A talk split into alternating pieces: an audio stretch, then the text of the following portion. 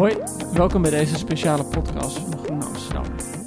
Normaal gesproken trekken onze medewerkers erop uit in het voorjaar om in internationale muziek, theater en dansvoorstellingen te zien voordat ze in juni bij het Holland Festival in Nederland aankomen. U begrijpt, dat is in deze tijden makkelijker gezegd dan gedaan. En dus blikken we op een andere manier vooruit het programma van het Holland Festival en praten in deze podcastserie met kenners, critici en makers zelf. Mijn naam is Joost de Vries, ik ben adjunct hoofdredacteur bij de Groene Amsterdammer. En vandaag gaan we in gesprek over een sleutelfiguur in de programmering van het Holland Festival dit jaar. De Japanse muziekmaker Ryuichi Sakamoto, van wie een onconventionele opera en co-productie met het Holland Festival tot stand komt, namelijk Time, te zien van 18 tot 27 juni. Ik spreek met muzikant, componist Thijs Havens. Hoi Thijs, je bent Hoi. ook programmeur bij voor Ion Sound bij I Amsterdam. Eh, jij zit hier tegenover me op de redactie en aan de andere kant van het land, aan de telefoon, eh, zit een van de meest prominente stemmen op het gebied van muziek, Bas van Putten. Hey Bas, Hoi. welkom allebei. Ryuichi Sakamoto, Tokyo 1952. Thijs, om gewoon bij jou even helemaal de beginnersvraag te beginnen. Wie is Sakamoto? Wie is Sakamoto? Ehm, nou, dat is inderdaad net een heel mooi stuk van eh Bas er al over verschenen, maar ik zal proberen ehm, ja, het even heel kort... eh nou, we mogen best wat sluitreclame voor de groene maken. voor de mensen die nog geen, uh, geen proef Eén tweetje, één tweetje. Ja, eh nou ja, ehm, Ryuichi Sakamoto, inderdaad geboren in 1952 in, in Tokio. Hij, ik kende hem zelf als muzikant, vooral als frontman van Yellow Magic Orchestra. Zijn band die, die eind jaren 70 begon met, ehm, samen met Haruomi Hosono en Yukihiro Takahashi. Twee eh, Japanse muzikanten die ook later trouwens, ehm, alle drie eigenlijk ook weer eh, vrij ehm, eh, ja, succesvolle solo-carrières zijn begonnen. Maar in de band die ze samen hadden, waren ze eigenlijk op meerdere manieren vrij vernieuwend, eind jaren 70. Ze worden al vaak gezien als een soort tegenhanger van, van Kraftwerk. Ik zou beargumenteren dat ze mogelijk misschien nog wel bredere relevantie hebben dan uiteindelijk dan Kraftwerk. Maar goed, misschien komen we daar nog op, op, op te praten, over te praten. En vanaf begin jaren 80 heeft hij zich ook, heeft, heeft Sakamoto is zich ook bezig gaan houden met uh, filmmuziek. Uh, begon met Merry Christmas Mr. Lawrence in 1983. Dat is ook, ook meteen zijn bekendste filmmuziek, denk ik wel. Dat uh, melodietje kent bijna iedereen wel. Ten, ten, ten, ten, ten. Ja, ten, ten, ja ten, ten, ten, ten. uh, dat is, hoe heet het, Colors? Ja, volgens mij wel. Forbidden ja. Colors. Ja, Forbidden het, Colors. Het was ook ja. nog een hit, ja, met, uh, weet je, van, uh, van Japan, de zanger David, David Sylvian. Heel veel. Ja. Ja, David, ja, heel veel variaties zijn er ook van. Ja, ja, ja, zeker. Hij heeft hem zelf ook echt, geloof ik, wel in, op honderd verschillende manieren uitgebracht. Na die film is hij eigenlijk filmmuziek blijven maken. Hij is eigenlijk gevarieerder eigenlijk gaan werken, ook in zijn filmmuziek. Hij heeft de Oscar gewonnen Ja. voor 87 met uh, uh, The Last Emperor. Petrucci, The Last Emperor. Ja. Die moest hij delen met, met David Byrne van de, van de Talking Heads, weliswaar. Wel goed iemand om een Oscar Zeker. te delen. Als je hem dan moet delen. En uh, dat is eigenlijk blijven doen. En, ja, en, en uh, steeds meer ook wel op dat abstracte muziek, om het maar even zo samen te vatten, vanaf de jaren 90 en de early, uh, early 2000s, zeg maar. Wel meer een beetje de ambient, abstracte elektronica hoeken heeft hij een hoop, hoop platen gemaakt. Uitermate veelzijdig over. Ja. Want Bas, in, in jouw stuk dat je voor De Groene schreef, schreef jij dat, dat nou eigenlijk wat Thijs ook al zei, van jouw generatie leerde hem kennen met dat, uh, dat uh, Yellow Magic Orchestra, synthesizer groepje. Hoe, hoe was dat anders dan de andere uh, ja, uh, new wave muziek van dat moment? Ja, ja. Zeg, hoe anders dan de mainstream alternatieve muziek waar ik me aangetrokken voel. Zou dan, dat, dat is wel interessant, want um, ik heb laatst ik ben van 1965, dus uh, toen het voor mij in de popmuziek begon, en ik was oorspronkelijk uh, wel afkomstig uit een zeer klassiek, um, op oude muziek gericht milieu, maar veel meer geïnteresseerd in popmuziek. Um, ja, ben ik heel erg, ben ik echt met, met, met, met gestrekt been in die punk new wave gestapt. Speelde ook zelf in bandjes. En um, vond vooral de, de, de, de doemkant van die nieuwe wereld heel erg interessant. Dus uh, zeg maar de Joy Division en Bauhaus sfeer. Joy Division herinneren mensen zich nog wel, maar Bauhaus helemaal niet meer. Ik ben het laatst weer eens gaan beluisteren en ik was echt geschrokken hoe slecht het was. uh, hoe, hoe verschrikkelijk monotoon. En dan van die slaperige zelfmoordstemmen die allemaal hetzelfde klonken. Twee akkoorden, dat is allemaal niet zo erg. Maar ik bedoel de humorloosheid. Ik dacht, wat zocht ik er toen in? Een levensgevoel, maar wat dan? Uh, of was het gewoon een soort codetaal voor, voor, voor, voor, voor leeftijdgenoten? Geen idee. Maar um, in antwoord op je vraag: um, Yellow Magic Orchestra uh, vertegenwoordigde de andere kant. De lichtgevende kant en uh, ook de technisch-kundige kant. Daar zaten de mensen die wat konden, hè, die echt konden spelen uh, en die, die arrangementen konden maken, die konden improviseren, die kortom muzici waren. Um, wat, wat, wat, wat de jongens, bijna allemaal jongens, uh, aan de Joy Division Bauhaus kant dus meestal niet waren. Want die konden niet zo verschrikkelijk veel muzikaal. Ze konden alleen heel erg goed somber zijn. En um, ja, ja, dat, dat viel dat was, was een beetje taboe, zoals in de jaren zeventig um, ABBA taboe was. Weet je, dat was te mooi, dat was te gelikt, dat was te geraffineerd en het was vooral te optimistisch. En uh, optimisme was een levensgevoel dat je je niet kon veroorloven als uh, fatsoenlijke jonge intellectueel. En uh, ja, achteraf, ik ben dus, toen ik aan het stuk werkte voor De Groene, ben ik heel veel Yellow Magic Orchestra platen gaan beluisteren, vooral die vroege platen. En ik vond het enig. En ik dacht, ja, dit, dit, dit, dit stond je jezelf gewoon niet toe. Maar het gekke is dat, dat ik nu pas merk hoe die, hoe die bekwame, virtuoze geliktheid van die tijd, die ik ook hoor, terughoor in, in heel andere genres, Earth, Wind and Fire bijvoorbeeld, of de Michael Jackson van Thriller, hoe ongelooflijk me dat altijd heeft aangetrokken en nog steeds aantrekt. Ja, het is ja, het, is, ik bedoel, het is helemaal voor mijn tijd, moet ik zeggen. Maar inderdaad, ik had ook dat, dat idee van muziek en dan niet mogen dansen. Dus was, was dat een beetje inderdaad, ja. Ja, ja en, en, en, en heel triest kijken en, en, en nergens geloven. En ja... Ja, dat is natuurlijk cynisch. Ja. Met zo'n verbazing op terug. Want wat zat er dan wel een soort van geloof bij Sakamoto in? Of was het alleen maar een, uh, een Dat een, geloof een technisch? ik wel. Nee, dat geloof ik wel. Die, die is echt... Die is echt ik bedoel, alleen al de fascinatie uh, voor technologie. Voor, voor, voor, voor, voor computers. Of uh, die, die, die, die eerste drumcomputers die toen kwamen. Die opeens heel veel mensen gingen gebruiken. Ook in Engeland al die, die synthesizer-achtige beentjes, Ultrafox en dergelijke. Uh, maar um, ja, daar zit een soort, daar zit een soort ja, utopische verwondering in die ik leuk vind. Um, in die documentaire waar ik over schrijf in mijn stuk, die documentaire van 1985, uh, zie je hem ook uitleggen hoe die uh, Fairlight synthesizer werkt. Die, die Fairlight synthesizer die is volgens mij in de jaren 70 in Australië uitgevonden door een paar um, buitengewoon knappe techneuten. En dat was toen science fiction. Ik geloof dat het apparaat in Nederland in die tijd 100.000 gulden kostte. En je kon er dus inderdaad op een scherm met een lichtpen kon je een golf tekenen en die speelde dat ding dan. En dan kon je allemaal samplen en zo. En ja, dat, dat vond ik prachtig, want het, het, het, het, het wees werkelijk de weg naar nieuwe klankwerelden. Hè, die vervolgens ook jou uh, een beetje begonnen te besturen. Ja, maar daar ben ik altijd wel benieuwd naar. Van, van in hoeverre zijn, uh, is techniek ook leidend in bepaalde Ja, heel. muziek? Ja. Ja. Heel erg. Techniek Ja, gaat, is- gaat hij mee is- bepalen wat jij doet. En techniek bespeelt Ja. ook jou.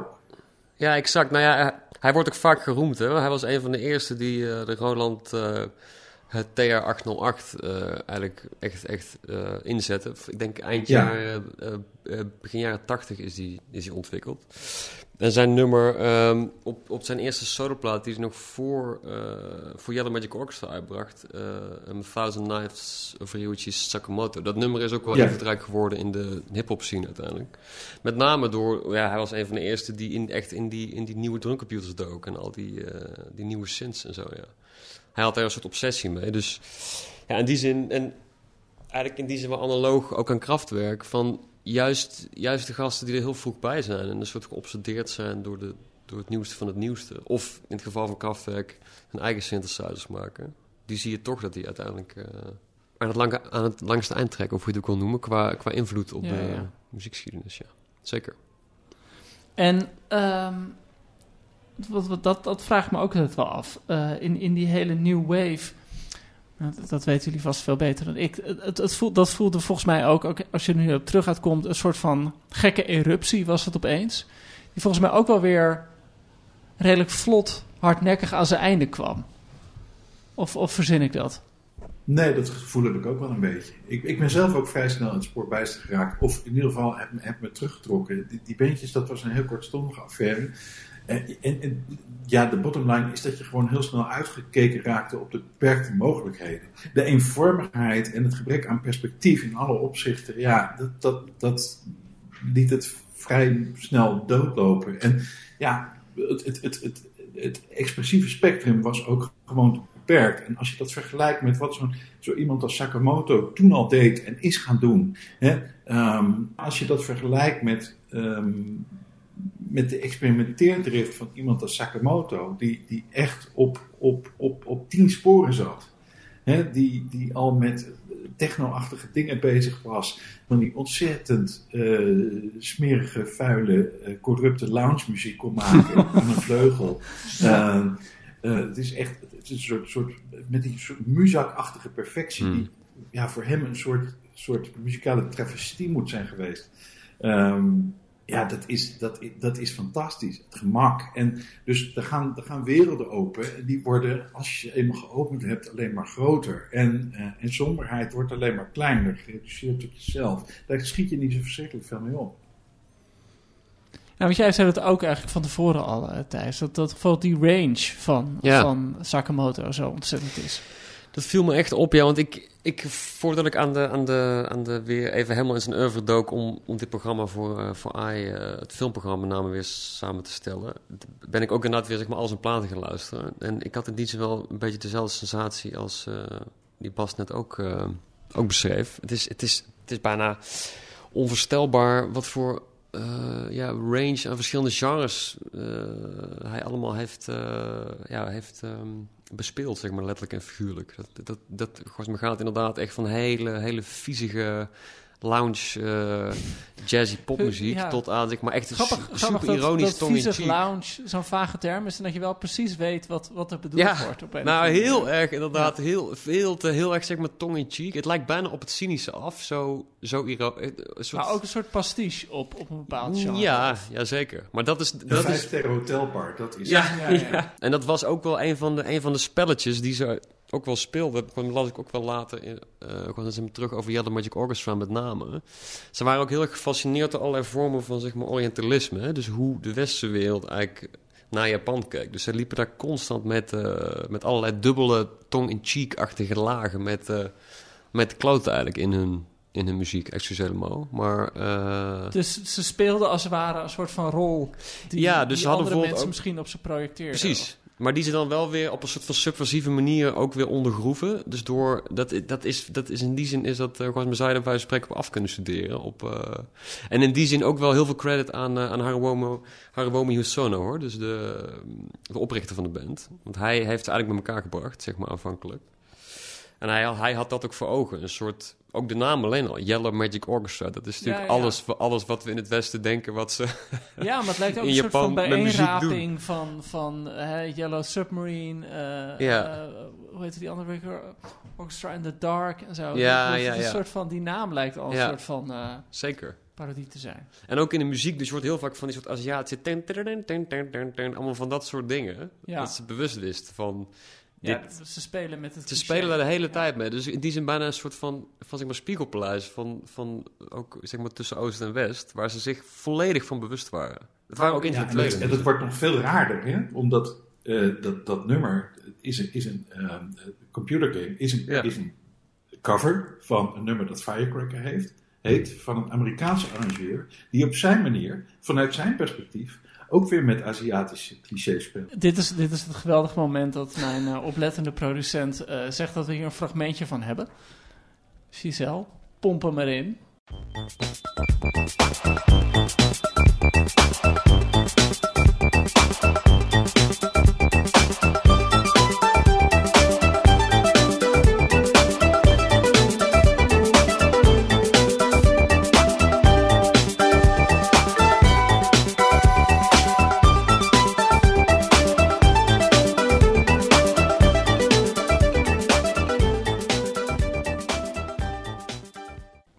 stukje van Firecracker.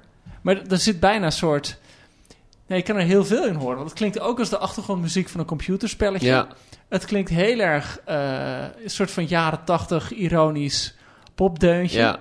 Ook heel Eh, erg Het kan ook in een tekenfilm zitten. Weet je, het, voelt, Ja. het zit ook een beetje hip-hop, lijkt er. Het is ook vaak gesampled, hè, dit nummer. Dus ze zijn ook een van die, van die artiesten die ook... eh want je hebt van die websites waar je kan opzoeken wie, wie waarin gesampled is. Ja. Zij zijn ook in, in zeg maar, talloze hip-hop tracks zijn zij ook eh gesampled. Ja. Ja, het is dus, verbluffend hoe lang...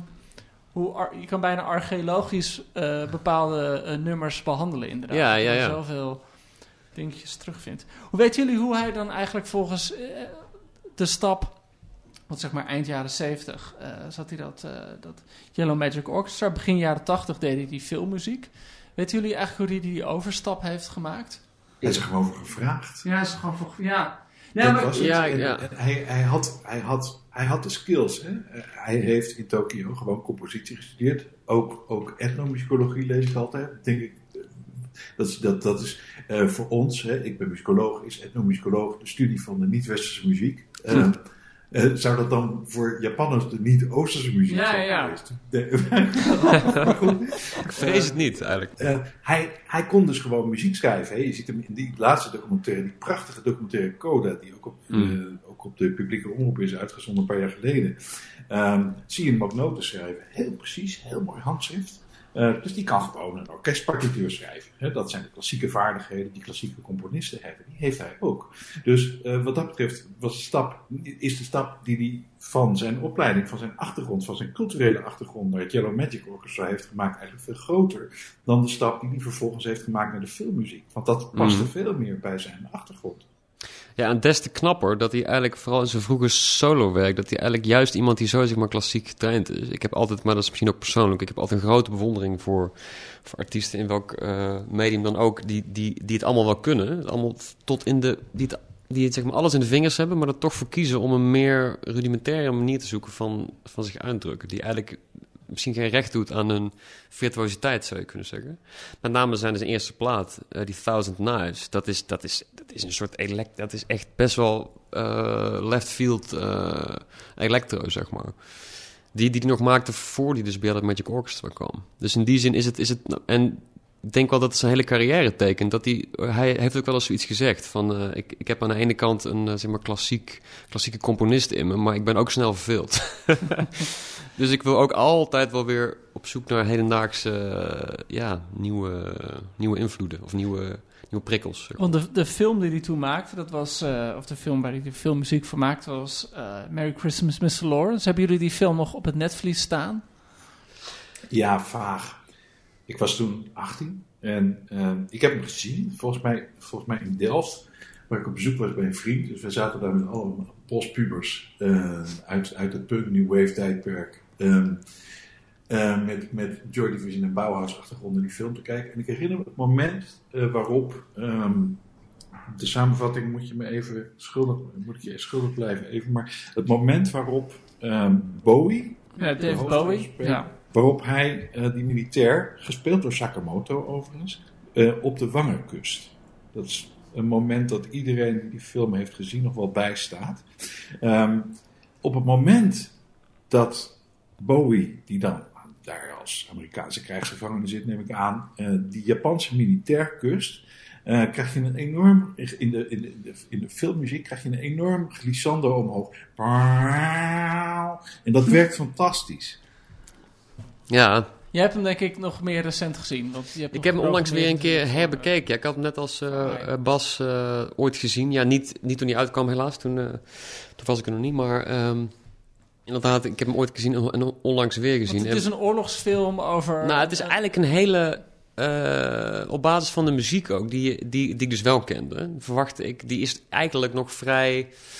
eh, ten, ten, ten, er zit een soort, mm, ik wil niet zeggen iets opgewekts in, maar toch wel iets eh, hoopgevends. En die film is, is echt vrij donkere. Ja, we vertonen hem ook een eye, dus ik moet oppassen dat ik die. Je, moet niet ik moet nog wel een kaartje verkopen. Maar nee, een hele donkere meditatie bijna over of, of op, op, ja, op, op, op eigenlijk in abstracto relatie Oost-West. En, en het, het, het, hele film speelt zich af in een gevangenenkamp. En, eh, Ja, met een soort van... ja, met een hele, hele precies. eh, gevangenbewaker. Sadistische gevangenenbewaker. En, denk ik Engelse eh, krijgsgevangenen, waaronder David Bowie. Ja, Ik, je hebt zelf ook filmmuziek gemaakt, hè? Ja, ja. En, en hoe was dat? Voor welke films? Voor oude films, toch? Was het- ja met Ja. name voor oude films. Ook wel voor het, voor het hedendaagse eh, documentaires en, en, en dingen. Maar het begon inderdaad met, eh, met muziek voor eh, stille films. Dus voor Ja. die... AI heeft een reeks, de cinemaconcerten. Dat was van oudsher was het vaak... ehm, ja, dus de stille films die werden vertoond met, eh met pianomuziek vaak of, of klassieke muziek. En eh, ik ben toen op een gegeven moment gevraagd door eh, Martin de Ruiter, de, met hem eh, bestier ik Ion Sound nu. En die heeft mij gevraagd op een gegeven moment om te kijken of we dat, ja, dat format zouden kunnen vernieuwen. Ik had daar nog geen ervaring mee. En onder zijn, ja, on- onder zijn hoede, zeg maar, heb ik, hebben eigenlijk gekeken van hoe kun je het... denk heel veel na, laat ik het zo zeggen, over wat voor genre is filmmuziek eigenlijk. En zijn er niet manieren om dat te verbreden? Het gevaarlijkste met filmmuziek lijkt dat je alles gaat onderstrepen. Ja, en dat is, en dat is ook een woord voor, hè? dus eh with underscore. Ja, En dat was lang, dat is het woord eigenlijk voor dat je met muziek de hele tijd in iedere scène, iedere emotie die je wil dat de kijker heeft, ja nog eens Aanzet. Ja, nog eens een keer. bizar genoeg, als het in hele films zit, wat eigenlijk in de meeste Hollywood-films zit, maakt het dat je als kijker die muziek je minder opvalt. En eh, het gek genoeg onhoorbaar. Je, het, het valt je niet meer op. En dat is dus in die zin bijna de paradox van eh, ja, goede, tussen aanhangstekens, eh, filmmuziek. Dat je dus, dat het onzichtbaar wordt. En daar is Sakamoto is er één van. Maar hij, die is juist er goed in om die valkuil te vermijden door muziek te schrijven voor films die toch echt wel eh, meer doen dan alleen maar eh, die underscore rol, zou je kunnen zeggen. Ja. En ook, ook het thema van de film, daar iets, iets mee doen in plaats van alleen maar de scènes. eh, Ja, want, want, want zou je die filmmuziek kunnen maken zonder de scènes erbij te hebben als componist? Ja, wordt wel gedaan. te hebben. Nou, er zijn dus beroemde voorbeelden. Hè. Eh, Er is een, er is een, eh, er is een hele traditie van, van films waarbij er ook vaak bijvoorbeeld eerst de muziek al werd gemaakt. De beroemdste voorbeeld Ennio Morricone en, en Sergio Leone. Oh, is dat zo? Morricone had de muziek vaak al af en die werd dus op de set door gewoon hele grote speakers over die set geknald. Oh, dat ik heel graag bij willen zijn, want dat Ja, moet ja, natuurlijk dat een fenomenaal gezicht zijn geweest. En dat om dus de film, dus veel meer een, een gesprek tussen film en muziek, of een dialoog tussen, die- tussen die twee componenten in, de, in, de, in, in een film, dan dat, dan, dat, dan dat muziek toch alleen maar een dienende functie heeft. Of zo. Want Bas, in het stuk dat jij eh, in de Groen hebt geschreven, maak je heel erg de vergelijking tussen Tarkovsky en Sakamoto. Ja, Wat, eh, eh, ja, de, Tarkovsky, de beroemde oude Oostblok filmmaker met, met ja, eh, Stalker en Solaris en van die geweldige, geweldige films. Hoe, hoe lijken die twee volgens jou op elkaar dan? Of, of wat hebben ze met elkaar te maken? Eh, nou, dat zegt hij zelf eigenlijk al. Hè? In, hun, in hun zettuigelijkheid, in hun gevoeligheid voor geluiden. Eh, voor elementaire geluiden, dus niet eens muziekgeluiden. Wat, wat hij mooi vindt bij, bij Tarkovsky is dat, dat, je, dat je voetstappen hoort. Eh, dat je mensen een teken op je hoort neerzetten. Hè, dat al die geluiden in een, in, een, in een dramaturgisch perspectief op die film in gaan werken. Daarin krijgt een geluid een soort symbolische, pregnante betekenis. En ik weet zeker niet zoveel, denk ik, van zo'n filmmuziek. Ehm, eh, als Thijs, maar ehm, het is mij wel opgevallen dat als je vergelijkt zijn behandeling van eh, het Gohato. Ehm, en, en, en Tony Takitani met ehm, zijn score van Wild Palms, dat Wild Palms door zijn thematiek ehm, voor hem eh, ongelooflijk muzikaal, ongelooflijk veel interessanter lijkt te zijn geweest. Daar valt het gewoon veel meer op zijn plaats, terwijl ik het gevoel heb dat hij in dat Gohatto-thema, dat hij daar een beetje gaat tweet, een beetje Einodeaans zit te improviseren en, zijn, en, zijn, en zijn draai niet echt weet te vinden, terwijl dat, dat rare, dat rare enge eh, futurisme van Wild Palms heel op dat moment van zijn loopbaan heel erg goed bij zijn taal en zijn, en zijn, en zijn urge past. Het is toch grappig dat je dat zegt, eh, eh, Bas. Want ik, ik had juist... Ik vind die muziek voor Wild Palms vind ik trouwens echt geweldig. Maar ik heb zelf de indruk dat hij daar juist wat meer...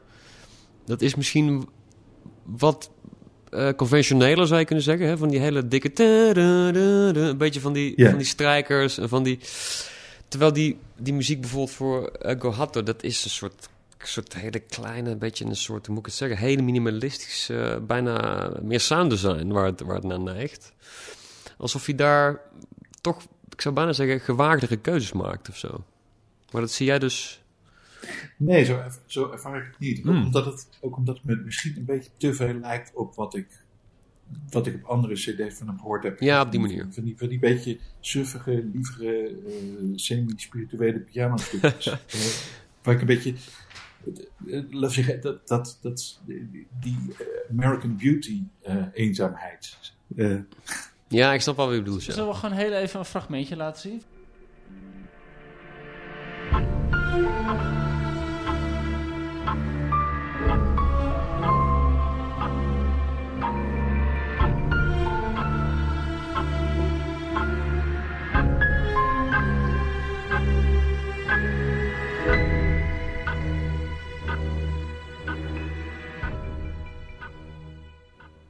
Nou, wat ik... Ja, inderdaad, ik, ik vind eh, Bas eh, zijn, zijn blik erop ook wel interessant eigenlijk. Maar wat ik me realiseer is dat hij... Dat hij ik, ik, ik hoor, maar goed, zo, zo hoort, hoort ook iedereen er iets anders in, denk ik ook. Maar ik hoor je eerder ook een soort voorloper al bijna in van zijn latere eh, solo-werk. Dus ook sommige, een beetje bijvoorbeeld dat... Die sample-achtige noisy dingen, die... Van die, van, die, van die soort loops en die dingen, die hij eigenlijk pas wat later in zijn solo-werk... Alsof het bijna een voorbode is van wat later, eh, wat meer in zijn solo-werk door, doorcijpelt. Want, want hoe, hoe is Wel wat sentimenteel, wat, wat, wat- ja, hoe moeten we zijn latere werk typeren? Eigenlijk de fase waar hij nu in zit. Wat zijn daar de grote thema's? Nou, die plaat Async, die die dus, dat heeft, eh, heeft Bas ook in zijn stuk, eh, vind ik heel mooi, mooi omschreven. Dus inderdaad, dat hele idee van, van asynchroniciteit eigenlijk. Dus hij wilde, hij wilde het, het, het feit dat muziek altijd, ehm, ja, eh, altijd een vorm van, van synchronisatie met zich mee heeft in een bepaald ritme. Daar wilde hij eigenlijk ehm, op basis van nieuwe klanken en andere, andere elementen, ook niet muziek, wilde hij daarmee breken als experiment. Ik vond jouw opmerking wel heel interessant, Bas, moet ik zeggen, over die, eh, dat hij eigenlijk nog steeds een popmuzikant is. dat zette Ja. mij wel aan het denken. Ik vond, ik vond, ik vond het een hele, eh, ja, heel prikkelende gedachte wel of zo. ja, Alsof hij eigenlijk al die tijd, nou ja, goed. Terwijl het zo ver af lijkt te liggen van, zeg maar, met name die Yellow Magic Orchestra dagen natuurlijk. Maar dat je toch één... Ja, maar dat, dat, dat is maar schijn. Dat is Ja. maar schijn. Dat, dat is, dat- je voelt altijd, iets eh, uit zijn tenen komt. Je hoort een Mhm. geluid en dat, dat, dat, dat moet er gewoon uit. En daar ga je iets mee maken. En dat duurt drie, vier minuten en dan is het weg. En dan heb je een scène. Dan ga je het volgende maken. Hmm. Hè? De, de- de ongedurigheid heeft daar ook iets mee te maken. Daarom word je popmuzikant. Eh, Dat je, ja, ja, ja. en Ja, ik- ja. Ik, wil- ik hoor het gek genoeg, want ik, ik heb jou, ehm, ik heb een paar van jouw fragmenten, eh, film, filmmuziekfragmenten gezien op jouw website. Oh, En ehm, ja, dat, jouw, jouw, jouw reflecties aan die, en dat bedoel ik, eh, dat bedoel ik heel aardig, eh, zijn die van een popmuzikant. Je ziet beeld Ja. en daar wordt een klank bij. En Ja. die ga je zoeken en vinden. En die komt er dan uit. Zou het, zou het misschien samen te vatten zijn in een soort eh, eclectische aanpak? Dat je minder dan misschien klassieke muzici of traditioneel muzici iets meer een houding hebt van whatever it takes of zo, om een, om een, om een idee vorm te geven? Ja, dat denk ik wel. Hoewel zoiets dat, misschien. Dat natuurlijk bij veel, veel klassieke muzici, tussen aanhalingstekens op dit moment, eh, ook het geval is. Zeker. En bij, bij iemand als Michel van der A, die ook veel met elektronica werkt, kun je het onderscheid tussen klassiek en pop eigenlijk al zien vervagen. Eh, maar dat ele- eclectische, dat zegt, dat zegt Sakamoto zelf ook Hmm. al in die eerdere documentaire die ik memoreer in mijn stuk, die documentaire van 85. Hij zegt van ja, als je nou ziet wat er allemaal aan geluid op je afkomt. Hè, ook in die film zitten heel veel eh, ringtones en, en straatgeluiden verwerkt. Hè, de straatgeluiden van Tokio toen, dus heel erg high-tech. Eigenlijk precies wat je hoort op die Yellow Magic Orchestra Ja. Eh, je, je, staat permanent bloot aan de geluidsbombardementen. Die geluiden die komen van alle kanten. Daar kun je eigenlijk geen, kun je eigenlijk niet meer in differentiëren. En dat doe je ook niet als je dingen gaat maken. Daar differentieer je niet in. Dus hè, de ene keer is het elektronisch, en de andere keer hoor je een piano. En, en, en, en, Ja. en, en dan, dan komt er weer iets strijkersachtigs uit. Het is, het is ja, Zo, het is een hele... Alsof, ja...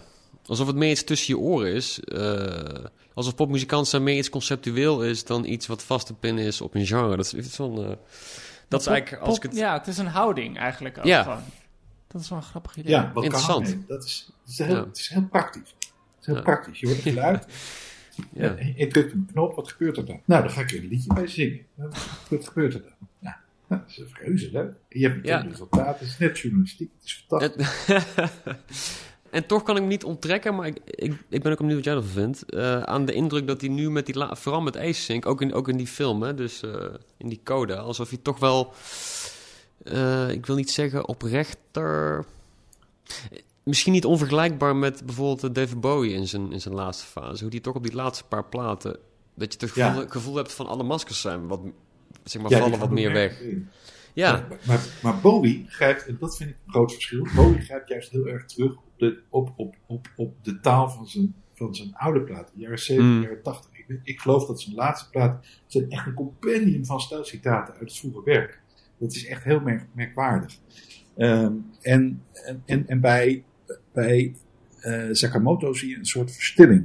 Hm. En ehm, dat is wat ze in de klassieke muziek noemen ze dat speetwerk. Je ziet het heel erg bij Shostakovich, die steeds minder noten gaat schrijven en ook steeds langzamer gaat componeren. En, en daar blijft bijna niks meer over. Hè, elk geluid is er één en dat wordt dan met een soort trage Dat, dat zeggen ze, overgave. dat zeggen ze over romanschrijvers toch ook altijd. Dat, dat hoe, hoe ouder schrijvers worden, hoe minder woorden ze gebruiken. Grappig is dat. Mhm. Dat dat gewoon een soort van Ja. het gegeven van de oude kunstenaar is. Dat je met steeds minder uit de voeten kan. Weet je wat het is? Je bent je eigen gelul zo zo. Hey, ik wil jullie heel erg bedanken. Voor eh, Thijs, fijn dat je er was. Bas, fijn dat jij eh, mee kon praten vanuit de Den Verre. U luistert naar de podcast van de Groene Amsterdammer in samenwerking met het Holland Festival over Ryuichi Sakamoto. Zijn voorstelling Time is straks te zien van 18 tot en met 27 juni. Eh, de productie en techniek waren in handen van Giselle Mijn Lief. Ik ben Joost de Vries. Bedankt voor het luisteren. Het Holland Festival wordt mogelijk gemaakt door het ministerie van OCW, de gemeente Amsterdam, productiepartner Amodo, hoofdbegunstiger Fonds 21, HF Business Partners, particuliere fondsen en vele, vele vrienden. Bedankt voor het luisteren.